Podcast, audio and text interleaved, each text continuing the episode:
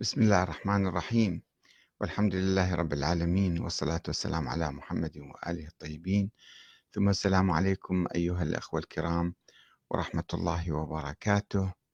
متى نكف عن استخدام أدلة افتراضية لبناء عقائد دينية بين قوسين؟ عقائد دينية وهمية. ماذا تعني نظرية الإنسان الكامل؟ وهل يمكن الاستدلال بها على وجود وولادة إنسان معين؟ ثم القول أنه الإمام الثاني عشر وهو المهدي المنتظر وهو غائب وهو كذا وسوف يظهر في آخر الزمان. كيف؟ كيف نفكر إسلاميا؟ الحقيقة نحن آه، يعني ابتعدنا كثيرا عن المنطق القرآني. المنطق القرآني ما فيها الأمور هذه. وابتعدنا عن أيضا المنطق العقلائي. العقلاء أيضا لا يفكرون هكذا. وإنما هذا الكلام كلام الصوفية والبعض من جماعتنا اليوم أو هذه الأيام يستعين بما يقول المخرفون من الصوفيين. بكلام باطل لكي يثبتوا نظريات وهمية وخرافية وما أعرف آه، ماذا يستفيدون منها. ما هي آه، النتيجة التي يصلون إليها أو يريدون الوصول إليها. الله سبحانه وتعالى بالقرآن الكريم علمنا العقيدة الإسلامية. آه، الإيمان بالله تعالى والإيمان باليوم الآخر. هذه آه، آه، يعني ركنان أساسيان من الدين الإسلامي طبعا كيف عرفنا الإيمان بالآخرة؟ عبر النبي محمد وعبر الأنبياء. وهناك قيم أخلاقية وهناك عبادات وهناك أحكام. هذا هو الإسلام. ولكن عندما نبتعد عن الإسلام الحقيقي أو عن جوهر الإسلام الإسلام البسيط. ونريد أن نكون لنا نظريات عجيبة غريبة. فنلجأ إلى إلى أوهام إلى أساطير إلى خرافات إلى آه، كلام ما أنزل الله به من سلطان. والاثنى عشريون يعني مشايخ الطائفة الاثنى عشرية في القرن الرابع الهجري مثلا هم كانوا يعترفون يقولون لا يوجد دليل تاريخي على ولادة شخص أو ابن للإمام العسكري. باعتراف, يعني باعتراف كل المؤرخين الشيعة أن الإمام العسكري ما أظهر هكذا ولد ولكنهم يستخدمون المنطق الباطني أو المنهج الباطني مو المنهج الظاهر المنهج الظاهري هو المنهج الشرعي. إذا واحد قال أنا عندي ولد وهذا الولد ابني مثلا يقول له خلص ما دام تعترف أنت فيه فهذا ابنك. وإذا قال أنا أصلا ما متزوج وما عندي أولاد أيضا نقول له أحسنت. ما يمكن ننسب لك ولد أنت ما تعترف به. ولا يمكن رفع اليد عن الظاهر هذا قانون إسلامي. كل بالحوزة يدرسوه بالقانون يدرسوه كل المحامين يدرسوه يعرفوه.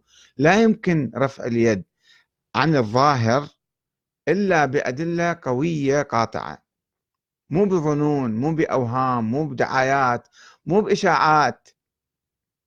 ولكن جماعتنا يقول لك إحنا بالعقل نثبت وجود ولد الحسن العسكري. بالعقل. شلون؟ يا عقل هذا. هذا استخدام لا عقلي لشيء اسمه العقل وهو أبعد ما يكون عن العقل. والشيخ الصدوق يقول هذا طبعا كلام مجازي أنه هذا دليل عقلي وإلا هذا مو دليل عقلي لأنه يقوم على عدة مقدمات نقلية. المقدمة الأولى اللي هي العقلية يسموها أن الأرض لا يمكن أن تخلو من إمام يعني يصير فوضى لازم أكو حاكم برا أو فاجر. هذه يعني مقولة كل العقلاء يدركوها في العالم وعليها بنوا مقولات أخرى أنه هذا الإمام يجب أن يكون معصوم. هذا المعصوم ما نعرفه يجب أن الله يعينه. وكيف نعرف الله عينه؟ من خلال آه، النبي وصل الإمام علي. وكيف واحد واحد واحد بعد نسلسل وفي هذه السلالة. هسه شلون تنتقل الإمامة من واحد لآخر؟ مو مهم. لا يوجد ناس ولا وصية ولا كذا يقولون بالمعاجز. معاجز أيضا ما موجودة. وهكذا. الأئمة الأحد عشر كانوا ظاهرين. ومعروفين والناس يشوفوهم وهم ما يدعون الإمامة ما يدعون أنه هم أحق بالإمامة من غيرهم أو يوجد نص عليهم. إذا الأمة انتخبتهم يصيرون حكام وأئمة إذا الأمة ما انتخبتهم خلص ما يدعون. وبايعوا معظم أو كل الخلفاء اللي كانوا في زمانهم. فكيف كيف يعني إحنا نجي آه، نركب عليهم في نظرية هم ما يعرفوها؟ بعدين نجي نفترض في وجود إنسان أصلا ما حد ما يعرف بولادته. والأهل البيت ما يعرفون الأئمة ما يعرفون الله ما يعرف. الله سبحانه وتعالى لا يعلم بوجود هكذا إنسان لأنه لم يخلقه لا يعلم بوجوده. تعالى عن ذلك. يدعون لك أشياء ويلزقوها ويركبوها ويسوون عقائد دينية وطائفية. هالطائفية اللي نعاني من عندها كلها من هالخرافات والأساطير اللي قال بها المنحرفون عبر الزمان. لو إحنا نرجع إلى نقاء الدين الإسلامي لما اختلفنا لما تفرقنا لما صار عندنا طائفية ولا محاصصة في الحكومة بعدين. ونفشل حكومتنا لأنه في محاصصة وكل طائفة تريد حصة من عندها. وإذا ما تعطون الحصة نتعارك وياكم ونتقاتل ويصير فتنة طائفية. فشوفوا الأمور كلها مرتبطة مع بعض. إحنا الآن في مجتمعنا نعاني من الطائفية.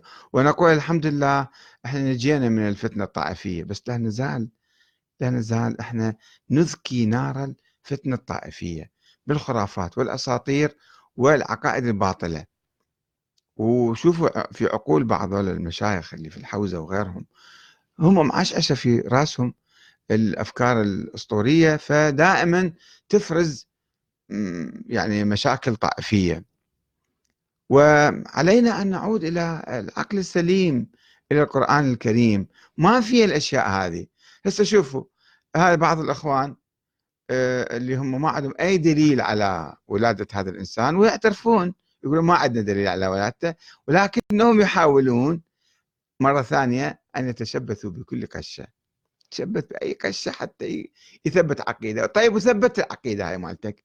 ثبتت أنه فلان مولود. وينه؟ ما موجود. شو تسوي له أنت؟ شنو علاقتك وياه؟ شنو علاقته هو وياكم؟ ما عندكم أي علاقة وياه. سويتوا يعني تنظير من أجل الوهم التنظير للوهم. هاي شغلتنا مع الأسف الشديد.